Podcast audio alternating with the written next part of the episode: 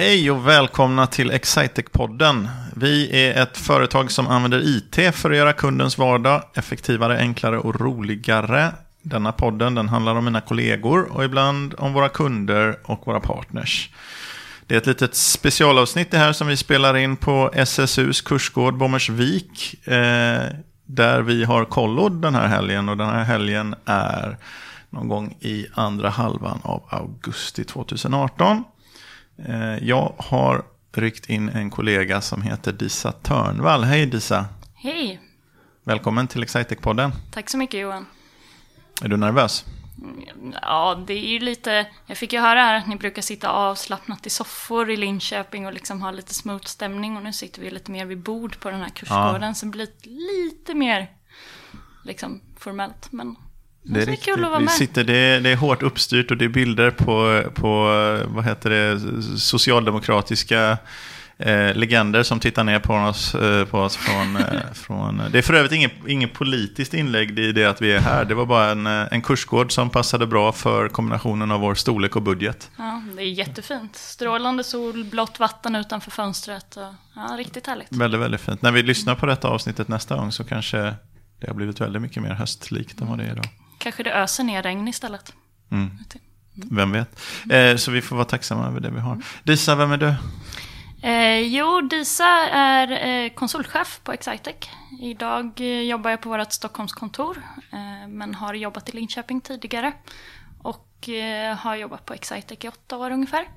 Jobbar mycket med beslutsstöd hos oss och har tidigare jobbat som konsult inom beslutsstöd som ni har hört flera av mina kollegor berätta om vad det är i tidigare avsnitt. Och eh, jobbar även en del med våra molnbaserade affärssystem, Visma Ja.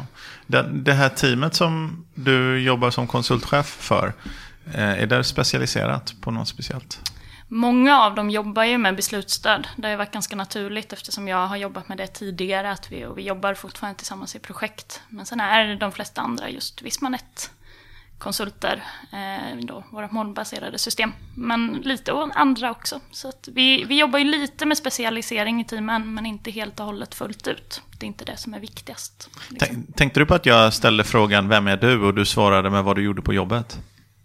Ja, tydligen. Mm. Varför, är, varför är det så tror du? Nej, jag vet inte. Min sambo säger att jag tänker Excitec dygnet runt ibland och han har nog en viss poäng i det. Om man ja. har jobbat länge. Så... Liksom inför någon form av lönerevision här så mm. säger du att jag egentligen har jobbat hela tiden. Jobbar 24 timmar om dygnet. Nej, men så illa är det väl inte. Men jag har jobbat på Excitec ganska länge. I åtta år. Och det, det ligger ofta ganska top of mind på mig. På ett hur, positivt sätt ska sägas. Hur många har jobbat längre än du här? Eh, jag tror vi är nere på tre om man räknar i Excitec anställningsår. Ja, det är, väl, det är inte så många. Det är inte så många. I förhållande till hur många som jobbar här nu. Ja, nej men så är det. Mm. Om du fick, om du fick liksom vara friare kring frågan om uh, vem du är, så, så, finns det någonting mer än... än uh, ja, eller om, om man ska dra en sån här kontaktannonsbeskrivning. 33 år, bor i Stockholm, i Årsta, har två hundar och en sambo. Gammal hästtjej. Ja. Går gärna i skogen, springer lite, tränar lite. Nu för tiden. Tror, tror du man gör kontaktannonser så fortfarande? Alltså jag hade ju en period av Tinder-dejtande. Och de ja. är ju ganska... Det är så sådär. ungefär? Ja, ja. ja. Jag kan säga, jag kan inget om det där. Eh, intressant. Men hästar kommer jag ihåg att det var något som du definierade mycket. Du hade flera egna hästar, visst var det så? Mm. Eh, när jag bodde hemma så hade vi som mest sju hästar. Oj, ja. och hemma är? Hemma var i Jönköping, eller utanför Jönköping växte ja. jag upp. Så, så mm. född och uppvuxen utanför Jönköping? Född och uppvuxen Huskvarna utanför Jönköping. Ja. Och sen så flyttade jag till Linköping. Började plugga industriell ekonomi. Som ganska många andra av mina kollegor och även du själv har gjort. Ah, Linköping. Tack för påminnelsen. Ja. Ja, och sen så bodde jag i Linköping i 13 år. Vad läste du för inriktning på? På industriell ekonomi? Ehm, jag läste datateknik som ja. inriktning. Ehm, och det var väl därför Excitec låg nära till Det känns väldigt också. linjärt in i Excitec-bana. Precis. Ja. Ehm, och sen så läste jag produktionsplanering och logistik. Och det har väl inte varit lika mycket Excitec-bana i det då? Ja, det kan vara riktigt. Mm. Ja. Vad tyckte du var roligast när du pluggade? Mattekurser. Mattekurser. Mm. Men eh, beslutsstöd som du jobbar, för du börjar ju som beslut... Jag vet, jag kan ju fuska här med för våra eventuella lyssnare, för jag vet ju att du började som beslutsstödskonsult. Det stämmer bra det. Eh, hade du inte nytta av matten då? Jo, ganska mycket nytta av matten där och även programmeringskurserna. Men det jag hade mest nytta av var nog eh, allt annat som man läser i en civilingenjörsutbildning eller i en I-utbildning. Att man kan lite om många områden. För arbetet som beslutsstödskonsult innebär ju ofta att man ska gå och prata med någon om någonting. Och det är inte alltid samma sak, det är inte samma bransch, det är inte samma typ av uppföljningsområde, det är inte samma nyckeltal. Så då är det bra att kunna lite om mycket. Sen så lär man sig lite mer om mycket löpande under tiden och man lär sig om den kunden och den branschen. Men just att ha den här överblicken var väldigt bra i början. Är det oftast ekonomi som man tittar på, alltså siffror eh, när man, när man gör beslutsstöd eller kan det vara allt möjligt? Det kan ju vara lite allt möjligt tycker jag. Vi har väldigt stor range i vad våra kunder eh, mäter och följer upp. Men man börjar ju ofta i ekonomin. För att på något sätt så vill man ju veta, tjänar vi pengar? Är en bra första fråga. Fråga nummer två är ofta, vad tjänar vi pengar på? Och fråga nummer tre är, hur kan vi tjäna mer pengar? Så är det ju ofta hos våra kunder. Sen kan man ju mäta en väldig massa andra saker. Men det utgår ju ofta ifrån någon form av affärsidé, att du ska producera en vinst eller tillväxt. Mm. Jag, jag, sitter och antecknar här för jag tänker att jag kan lära mig någonting själv som jag kan ha nytta av. Eh, eh, vad, vad tänker på i det, när, när du har jobbat där för åtta år då? När, då, då är det så, då, är det bara, då har det bara både liksom gått enkelt och varit roligt och varit kärvt ibland och känns tungt. Mm. Tänker jag mig. Va, va är, när har det känts, när har det flytit på bäst? När, har du några roliga tider? Har du funderat på det? Det är så svårt att komma på rakt upp och ner. Jag tycker att den, den tiden som var precis när vi började med traineeprogrammet, för då kom ju vi kanske från ett läge där vi inte hade växt lika mycket och inte hade satsat så mycket på att jobba med nyexaminerade på samma mm. sätt. Och så började vi med traineeprogrammet och tog fram det. Vi började med bara några stycken. Kan, kan det ha varit fem år sedan ungefär? Ja, men det är ganska exakt fem år sedan, ja. tror jag. Och, och då, då började vi med några stycken i ett par omgångar och sen blev det fler och fler. Och just tillväxten av traineeprogrammet och i början när vi började med det och det var nytt och vi liksom letade i lite hur det skulle se ut och hur det skulle formeras och hur vi skulle ta det över hela Excitec. Det tycker jag var en väldigt rolig Var det roligt även då eller är det roligt nu? Ibland är det så att man ser tillbaks på någonting som man liksom var nervös över ifall man skulle ifall man skulle reda ut. Och sen i efterhand ser man tillbaka på det som någonting väldigt roligt. Men under tiden kan det varit ganska pressande och jobbigt också. Eller var det roligt även under tiden? Det var nog roligt även under tiden. Jag hade förmånen att vara mentor till den första traineekullen. Och som mentor så får man ju bara göra det roliga. Men inte, man behöver ju liksom inte ta fram programmet. Man ska ju bara finnas där och stötta och, och ta med den här personen ut i organisationen. Och det, det är en av de arbetsuppgifterna som jag alltid har tyckt varit väldigt, väldigt rolig. Det här med att vara chef då, för du var ju inte chef när du började. Hur länge har du, har du haft någon form av personalansvar? Ja, det är lite drygt tre och ett halvt år nu tror tre och ett halvt år, ja. ja snart fyra. Mm. Så det, det har ju blivit några år. Jag satt och tänkte på det här om dagen faktiskt. Mm. Den övergången, vad, vad, liksom, vad fick dig att vilja göra det, tror du? Jag har nog alltid haft en vilja av att utvecklas. Det är något av det som har varit roligast. Det har aldrig varit så viktigt i vilken riktning eller exakt en roll eller det ska se ut si och så. Men jag har alltid velat utvecklas och växa som person. Jag såg det nog framförallt som en, en rolig möjlighet att, att utvecklas i min arbetssituation. Eh, men även på många personliga plan. Sen innebar det i mitt fall också att jag började pendla till Stockholm. Jag bodde ju fortfarande i Linköping. Pendlade tre dagar i veckan till Stockholm. Eh, och det var både en för och en nackdel, tror jag. Jag tyckte det var roligt att få komma upp på ett kontor som jag kände till, men inte samtidigt hade jobbat mitt i gruppen. Och jag tror att jag tyckte det var en fördel i att, att börja med en grupp som jag kände, men inte hade jobbat närmast. Mm. För det kan ju vara en utmaning när man har jobbat väldigt nära innan. Hur, känner du dig trygg i ditt ledarskap nu? Jo, men numera känner jag mig nog... Eh, det är klart att man alltid utsätts för situationer där man inte är trygg eh, i sin dagliga vardag. Men på det stora hela så känner jag mig nog trygg i mitt ledarskap idag. Vad tror du dina, dina kollegor säger om dig då? Det är bara, jag får passa mig lite här nu så det inte blir någon slags anställningsintervju. Du är ju det bara för, för eventuella lyssnare vill jag bara påtala att Disa är faktiskt redan anställd. Och hon är faktiskt, eh, nu är jag ju vd då, så det innebär att jag inte omfattas av LAS. Men i den mån jag hade omfattats av LAS så hade du faktiskt varit en vecka före mig på LAS-listan. Så att, eh, det är ingen anställningsintervju. Nej, Eh, för du började en vecka innan jag. Jag gjorde ju faktiskt det. Vi gillar ju att munhuggas lite kring det ibland i, i olika sammanhang. Det var, men- några gånger har vi gjort det. Ja. Ja. 50, Nej. 60, 80, 100 gånger kanske. Ja. Kanske, någonstans där. Men, eh, nej, men man får väl hoppas att de som har mig som chef också tycker att, att jag är trygg i mitt ledarskap. Däremot har jag ingen eh, tro om att jag alltid agerar perfekt, utan jag vill ju precis som alla andra ha feedback i, i det man gör. Och vissa situationer är man ju mer stolt över hur man hanterar, vissa situationer lite mindre. Men det är ju precis som i en kundsituation. Även om man på det stora hela kan tycka att man lyckas som konsult, så finns det ju alltid situationer man inte är nöjd över. Eh, Får jag fråga, hur länge är det som du har bott i Stockholm nu på riktigt? Något år? Halvår Halvår, det är inte så lång säga, tid. mm. Du, slutade med häst... eh, Det, vi, vi, vi stängde inte hästspåret riktigt. Nej. Så sju hästar har du haft som mest. Ja, ja. Eh, Och sen i, när du arbetade i Linköping hade du häst också. ja, jag hade nog faktiskt till och med flera tre, till och med. Tre när jag började. Ja. Eh, Men de senaste fyra åren har jag nog bara haft en. Ja, just det. Men alltså, tre dagar i veckan pendla till Stockholm och ha häst. I, Mm. Det är ju inte så jättelätt. Nej, tänker men jag.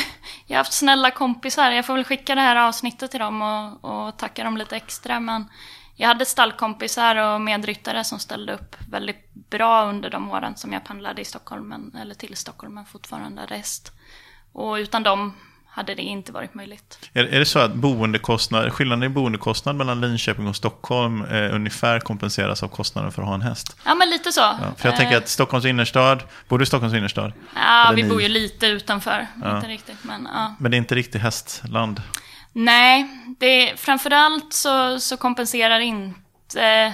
Det går inte både flytta till Stockholm, ha en dyrare lägenhet, flytta hästen till Stockholm, ha en dyrare stallplats och också tänka att man ska göra samma sak som man gjorde innan. Men det som till slut vägde över är nog att vissa saker har en viss fas i livet. Och jag kände mig klar med den fasen. Det är jättekonstigt att sitta och säga. Jag har alltid personifierat mig som hästtjej. Ja, fast det, det går väl som är mycket i livet att det går i faser vad man är, vad man är intresserad av. Sen kan det komma tillbaks igen. Ja, Jag kämpar för att inte liksom låta det här börja handla om mig istället och prata om, om liksom gitarrer och, Ja, eller, ja. eller liksom eh, golf eller någonting i den stilen som jag inte längre håller på med. Um, ha, är det någonting du är stolt över på jobbet då? Jag är nog framförallt stolt över... Ja, men jag har, jag har en favoritkund där jag är stolt över. Jag vet inte om vi kan, kan säga dem vid namn här. Kanske. Men där jag har varit med ända sedan de började sätta upp sitt beslutsstöd för fem år sedan. Och de är ganska stora idag. Och vi fortfarande är med och är en rådgivande part i deras ekonomi och uppföljning. Det är jag stolt över. Men sen är jag nog framförallt stolt över alla kollegor som jag har varit med och sett komma in i Excitec. Det har ju blivit några stycken. Om man går från 30 till 140 eh, och så har man lite normal personalomsättning på det och sådär. Så har det hunnit bli några stycken jag har sett börja på Exitec. Eh, varje gång man liksom får någon ny i gruppen eller någon ny man jobbar med i projekt så blir man ju väldigt stolt och glad över när de lyckas eh, med saker som de inte själva tror att de gör framförallt. Jag funderar ibland på det här, du vet med kultur och, och värdegrund och sånt. Vi jobbar ju, när du och jag var nya, Eh, så jobbade vi ju ganska mycket med att försöka förstå vilka vi är och vilka ska vi vara och hur vill vi vara. Så vi gjorde en, en, ett, sånt, ett sånt arbete som får lägga en grund för, för en tillväxt. Och jag kan ofta, nu är vi här på vårt kollo här och har lite roligt, eh, jag kan tycka att det ser ganska likt. Jo, det är det ju verkligen. Jag kommer ihåg, kommer du ihåg när vi var i, jag tror det var på den allra första kickoffen du och jag var med på, eller möjligtvis den andra, 2010, 2011 där. Och vi, vi liksom skulle så här, nu ska vi prata värdegrund och så Ja. stod vi och satte post-its. Vi skrev mängder med post-its och så satte vi dem på olika ställen. Och sen hade vi någon övning när vi kom tillbaka där våran Lena, våran dåvarande marknadschef, också Eh, vi stod på kontoret och satte post-its på samma sätt på varje kontor och sådär. Och det, för mig har det alltid varit väldigt skönt att liksom, när man har tänkt på vår värdegrund kunna säga, känna att nej men jag var ju med när vi tog fram den. Och jag har liksom inte, det är inget som är påklistrat eller som någon har sagt att jag ska vara. Utan det är en värdegrund som jag kan leva med 24-7. Jag kan alltid känna att jag står för vår värdegrund. Och det tror jag är, vad man ska säga, en, en grund för att lyckas i den där, som du var inne på då, att från 30 till 150 behålla någon form av samma grundkultur. Ja. Det är klart att saker har ändrats på vägen. Men just att det är en, en kultur och en värdegrund som man kan stå för 24-7. Eh, det tycker jag är någonting som liksom, jag tror är en framgångsfaktor. Det var en intressant övning det där, det, det vi pratade om. För det vi gjorde var ju att vi försökte få samla vad personalen tyckte egentligen. Och så kokar man ner det till någonting. Och sen så samlade vi vad, vad eh, ledningen tyckte och ville. Och sen så gjorde vi även med styr, samma övning med styrelsen och se vad skulle styr, vår styrelse önska att vi vore. Och sen försökte vi koka ihop det där till någonting så litet som möjligt som var en slags gemensam nämnare. Kan det vara värdeord? Annars får jag väl rejält mig själv, tänker jag. Men en, enkelhet, framåtanda, affärsmässighet och glädje. Starkt. Mm. Ja, nej, men det är bra. Jag tror faktiskt de flesta kan det. Det sitter ganska, ganska djupt inne. Men, eh, vi försöker prata om det redan från rekrytering så man liksom börjar mm. höra vad det är vi känner att vi står för. Men, men jag skulle väl tycka att vi har ju ett gäng traineer här som är med oss för första gången. De mm. har ju jobbat i i fyra dagar per dags dato. Jag tycker det är helt okej att de inte kan det. Det är helt okej. Jag tror inte, det är inte, poängen är inte att lära sig ett ord också. Det finns, ord kan bli ganska tunna, utan det är mer så att även som ledning och ledare, som du och jag som har ledarroller, och liksom i vårt agerande titta, var jag sån här nu? Hur är man sån här? Eller den här personen, är den sån här? Någonting att påminna sig om och plocka upp igen som ger en slags vägledning. Det är det som är poängen, inte att liksom skriva värdeord på, på vad heter det, och klistra upp på väggarna. Det är inte poängen, utan poängen är att ha någon form av eh, vägledare i, i det dagliga försöka hålla sig till. Men det är ändå intressant tycker jag det här, hur man kan växa så. Jag hade nog väntat mig att ja, vi kör det här till eh, vi är den här och den här storleken, omsätter 100 miljoner eller någonting, sen måste man nog göra något annat. Men det är, om det känns som något så är det, vi ska verkligen inte göra någonting annat. Vi ska nästan mer än någonsin göra, göra det vi gör. Mm. Så, så kan jag uppleva det. Absolut, och det är en bra ryggrad att ha med sig, mm. tycker jag. Det gör ju vårt jobb väldigt enkelt. Ja, absolut. Om alla vet exakt hur de ska vara så. Nej. Ja, sen bara är det. Mm, bara Riktigt eh, du, Vi har ju ett avsnitt i den här eh, poddserien som heter Någon berättar om något.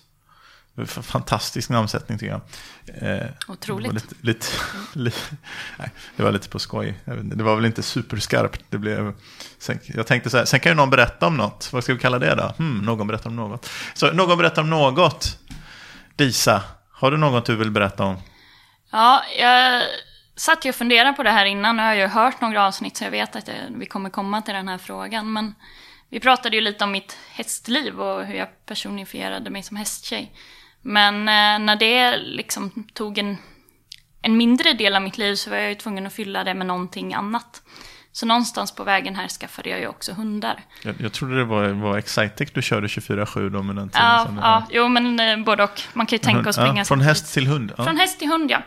Så jag har två stycken hundar som jag tävlar i sporten agility med. Och eh, agility med hund, det handlar om att man tar sig igenom en bana. Det finns sådana här tunnlar som hundarna ska springa igenom. Det finns en slalom som man... Ja, de ska gå varannan pinne höger vänster, precis som en slalom. Man ska hoppa hinder. Och det är ofta... Man börjar med lite enklare banor och sen ju mer man lär sig och ju svårare det blir så, så är det ju svårare och svårare banor. Eh, och det lägger jag en hel del av min fritid på att träna och tävla. Hur, hur fungerar det? Ni springer bredvid. Jag har sett sådana filmer ibland som du har, som du har skickat tror jag. Eh, och du springer ganska fort, även ni. Som, alltså det är inte bara hunden som springer fort. Men är det på tid? Det är på tid. Agility går alltid på tid. Man ska ta en bana felfritt. Det är första liksom, Är det så? Först är det felfritt? Först är det felfritt. Ja. Och eh, av alla som är felfria så går det på tid. Och det ja. är liksom hundradelar det kan handla om. Så att det, men det är, det är en sport där både hund och ägare måste vara hyfsat vältränade. Man måste ha ett bra samarbete emellan eh, hunden och föraren. Eh, och eh, ja, sen ska man helt enkelt ta banan så fort som möjligt. Berätta lite mer här nu, jag har massor av frågor. Eh, så att jag bara går igenom så jag kan förstå det här. Det är några olika saker jag vill, jag vill förstå. Eh, först så bara undrar jag, när ni, ni ses, är banorna likadana eller är de olika? Eller är det en, en del av utmaningen att de kan vara väldigt olika? De är olika banor? väldigt, väldigt olika. Det finns en domare Ja. varje gång som bygger banan och sen får man åtta minuter på sig. Ja. eh, att lära sig banan. Och eh, för den som inte är agility-invigd eller agility-nörd eh, så ser det otroligt roligt ut när man släpper på 40 personer utan hundar som lär sig banan och springer runt i åtta minuter och liksom springer banan Oh, utan hund. Så man springer utan hund samtidigt? Ja, Alla, ja, ja. okej. ja. Så man kan filma det där och så kan man spela det i liksom jätte, jätte, jättesnabb takt. Så ser man, så är det som små myror som springer runt på banan. Men det är vuxna människor då Ja, som springer? En människor. hundbana? Ja, precis. Som Det ska lära sig en bana så för att roligt. springa med hund. Ja. Mm. Och sen då, efter de åtta minuterna, får hunden prova banan innan? Hunden får inte Så prova hunden banan. gör något som hunden har aldrig sett det här? Nej. Så människan behövde en, åtta minuter för att lära sig det. Hunden får ingen chans. Hunden får ingen chans, utan på de åtta minuterna ska människan ha lärt sig hur man ska tala om för hunden att den ska göra hindren i en viss ordning. Och vad är några av verktygen som du använder för att tala om det för hunden? Eh, Det är väldigt mycket hur vi rör kroppen. En hund går väldigt mycket på vart vi, inte vart man vinklar fötterna, utan vart man vin- vinklar sina axlar. Så att axlarna ska vara vinklade i den riktning man har hunden och i den riktning de ska ta sig. Så att om jag har en hund bakom mig så vinklar jag mig bakåt. Nu, nu gestikulerar jag här för Johan, Mm, det, det, här är, det här är radio i, Ja. i toppklass. Men då vinklar man sig bakåt så man har kontakt med sin Lisa hund. vrider axeln och armen bakåt och gör någon slags, eh, jag vet inte, semi, det är som lite en halv eh, krigarställning i yoga kan man Ja, säga. ja, men det är inte helt olikt. Nej. Eh, så det är mycket vart man har axlarna. Sen har man händer. Men jag har testat att springa banor med händerna bakom ryggen och, och bara vinkla axlarna och det funkar nästan lika bra. Ja. Eh, och sen är det röstkommandon. Men, Vi men, men med ni hunden. springer vid sidan om banan med hunden? Stämmer bra. Ja, Hunden springer hindren och vi springer vid sidan. ni springer vid sidan. Ja. Och, men då springer man en och en Då på springer tid? man en och en på tid. Och Och banorna är hur långa ungefär? eh, upp till 220 meter. Ja, och hur lång tid tar det då? Ja, någonstans mellan eh, kanske 25 och 45 sekunder. Lite beroende på hur banläggningen är. Så upp till hinder? 220 meter. Ja. Eh, och 25 till 45 sekunder. Eh, du vet om att eh, liksom, världsrekordet på 200 meter för damer, Florence Griffith Joyner, som nog alla var ganska överens om var tämligen dopade. Om jag minns rätt, 2049 har jag för mig. Hon är liksom en sekund snabbare än, eh, än, eh, de, än de odopade, så att säga. Kon, eh, eller jag ska inte säga... Nu är det väl kanske så inte en... En Men, men eh, alltså det, det, är, det går undan här. det går undan. Eh, de snabbaste hundarna går verkligen undan. Det Så du, du springer så snabbt du kan egentligen, nästan? Jag springer så snabbt jag kan och det är Ja. alltid jag som är den begränsande faktorn. Och så försöker man ha hunden så långt ifrån sig som möjligt så att hunden springer snabbare än vad man själv Men gör. det var väl det jag tyckte, det såg ut som ni springer väldigt, väldigt fort. Okej, och sen så är det så att om man river någonting eller inte gör, eller är det en vägran eller liksom får, kunden, får hunden göra om då? Så att det är huvudsak som händer om hunden inte tar hindret är att det tar för lång tid. Ja, Eh, fast man får också fel för en vägran. De som Ja. kan häst så är det ungefär samma. Ja. Man får fel för att hunden inte tar hindret, man får fel för att de river hindret. Men det som brukar förvåna de som inte håller på med agility själva, det är hur lätt man kan bli diskvalificerad. Okej, Man blir diskvalificerad i någonstans 50% av sina lopp. oj. Mm. Och, och, disk därför att... Hunden tar ett hinder från fel håll. Ja. Eh, hunden hoppar över ett hinder den skulle tagit. Eh, hunden springer av banan. Eh, hunden tar fel hinder. Ja. Det, det finns otroligt många sätt som man kan bli diskvalificerad på. Intressant. Och sen då, för då har jag en annan sak som jag, som jag har undrat som vi inte har pratat om. Men du, du brukar ju då, eh, när du är på gott humör och så skickar du en mail och så säger du så här, jag fick två stycken SM-pinnar eller någonting i den stilen. Vad betyder det? SM-pinnar är, eller pinnar i agility, det är, vad ska man säga, ett kvalificeringsresultat brukar jag kalla det för. Eh, Så när man börjar i de första klasserna så, så ska man ta pinnar för att ta sig upp mot svårare klassificeringar. Okej. Och i den svåraste klassificeringen så ska man då istället ta bra resultat för att så småningom kvala till SM. Ja.